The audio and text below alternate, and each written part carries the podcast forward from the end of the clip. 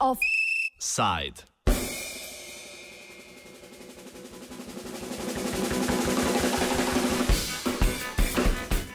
Bibi gre na sever.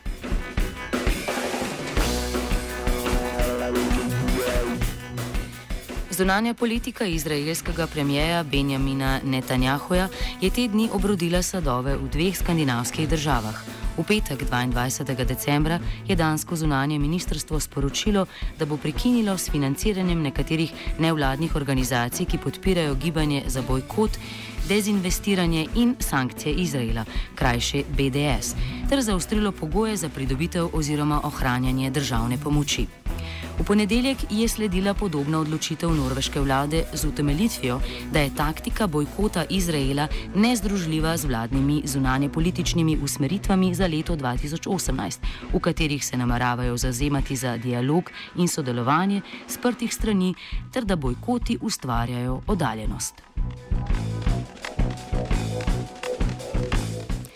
Potezi sta se zgodili po koncu danske vladne preiskave seznama Izraelu nevšečnih nevladnih organizacij, ki ga je danski vladi ob majskem uradnem obisku predal izraelski premijer Netanjahu.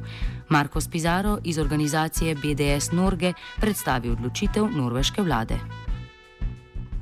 The Norwegian government included in the government policy, which is a proposal for the state budget for, for next year, government policy for next year, for 2018.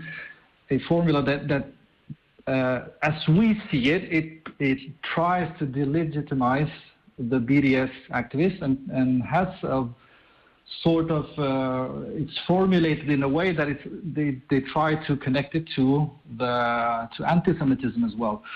For our concern, um, I mean, we see this as a uh, as a statement, you know, because Norway and Israel has long ties of uh, you know, economic and political relationships. Uh, they have business relationships for quite a long time. So this is another additional statement.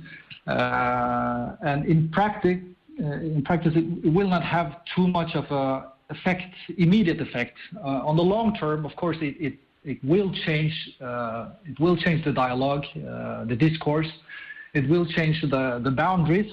And but I, I think it's much more important to question. I mean uh, how does the Israeli uh, foreign policy have so much influence on, on other nations' policies, internal policies?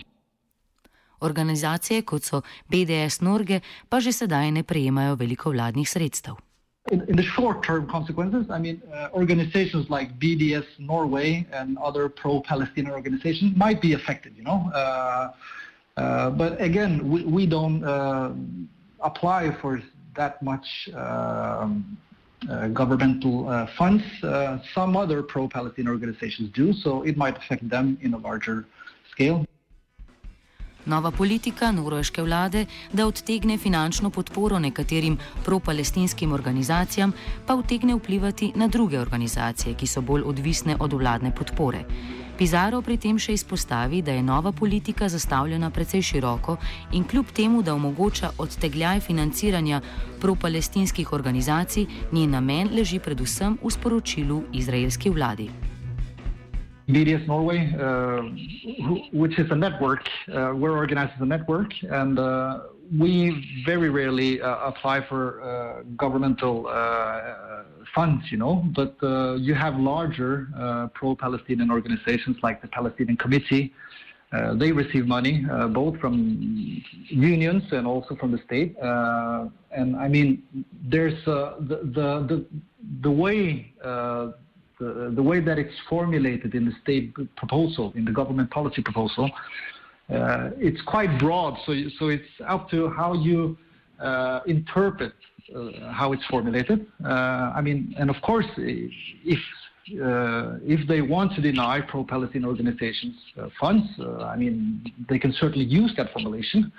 But I mean, and it's also important to take into consideration that the, the Confederation of, of, Unions in Norway is quite strong, and you don't want to be uh, opposing uh, such a, a, a, a uh, opposition in Norway. So Uh, that, this is why we consider it more of a. It's more of a statement. It's more of a, you know. Uh, so it's more of a showing the Israeli government or Israel as a business partner that we uh, we listen to what they say and and uh, they adapt this into the to the policy.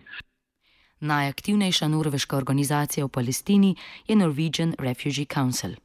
In terms of, of uh, how much money uh, it could um, it could limit, uh, I mean we have the we have several organizations that uh, work in in uh, in, uh, in the occupied territories and in, in, in Palestine and Gaza. so it, of course it could affect them. For example, the the Norwegian um, uh, Refugee Council, for example, um, they receive uh, funds. That's a that's a Palestinian NGO, uh, a Norwegian NGO, also working in Palestine. Uh, they receive, I don't know, some 60 million uh, or something from the government. So, I mean, interpret that if they interpret that formulation in a negative way, of course, this could this could harm the funds that go to the Norwegian Refugee Council. So as I said, the the, the long term and, and the, the, the possible effect that lies in the in the way this statement is formulated uh, could affect in a large scale, but uh, we consider it a statement first and foremost. Gibanje BDS se zauzema za bojkot, dezinvesticije in sankcije proti Izraelu. Norveški pokojninski sklad pa ima v tej državi za približno 5,5 milijarde evrov investicij. Norway has had several types of business. I mean, for example, uh, the Norwegian uh, pension fund, the government pension fund of Norway, has invested uh, around 5.2 billion euros out of the total of 7.5 billion. And these, this money is invested in 36 companies. Uh, this information you can find on the Danwatch uh, report, Danwatch list, which is a Danish organization that that maps all the types of of investments. And uh, it's, it's, I mean, it's quite a large sum. I mean, it's the largest single investor by far, you know, Norway with 5.2 billion out of the total of 7.5.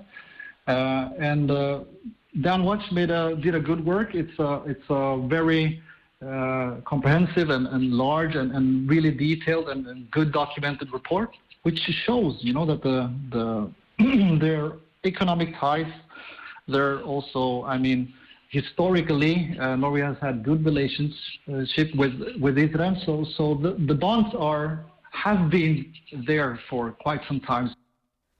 Pizarro izpostavi, da je danska vlada sprejela določena prizadevanja BDS gibanja, kot je denimo označevanje izdelkov z okupiranega ozemlja, česar Norveška ni storila. I haven't dug deep into what happened in, in Denmark uh, now in the holidays, but um, yeah, I, read that uh, there was a state visit back in uh, May, uh, as you said, or April was it? Uh, and of course, uh, they have received some information from the Israeli foreign strategic foreign minister about these alleged ties with some of the NGOs. Um, but I mean, this goes to the Palestinian Authority, which BDS uh, opposes. I mean, we disagree with them in, uh, in several, several on several positions. So. Um, but again, if, if you look at the, the labeling of goods, for example, to give you another, it shows you the diversity uh, within the countries. For example, in Norway, um, they recently voted on, on labeling uh, Israeli uh, products from, I mean, uh, products that were uh, produced in occupied territories. This was, uh, this didn't pass, which means that you can, I mean, you can still label them made Israel made in Israel, and still they were produced in occupied territories. Uh, on the other, on the other side, you have Denmark, which actually passed this along with Great Britain and uh, uh, I don't remember the third country, but they passed a law. I think it was a year, a couple of years ago, uh, for labeling uh, Israeli goods uh, as Israeli goods, and then the occupied goods as either occupied or whatever they differentiated on the goods. And this shows you that Denmark has uh, taken a step further in labeling the boycott goods, uh, the goods for boycott, which is a, it's a good step. And Norway hasn't done this. But then again, then you turn around, then you have the change of policy now, you know, where they're going back. So th- this shows you that there's movement in the Danish uh, political uh, landscape Veliko vlogo pri tem, do kakšne mere bo norveška vlada izvajala sprejete ukrepe, igra tudi sindikalno gibanje. Krovna sindikalna organizacija na Norveškem je namreč izglasovala popolno podporo taktiki bojkota in se na vladno potezo sploh še ni odzvala. Od tega odziva pa je, kot zaključi Pizarro, v veliki meri odvisna tudi širša taktika gibanja na Norveškem.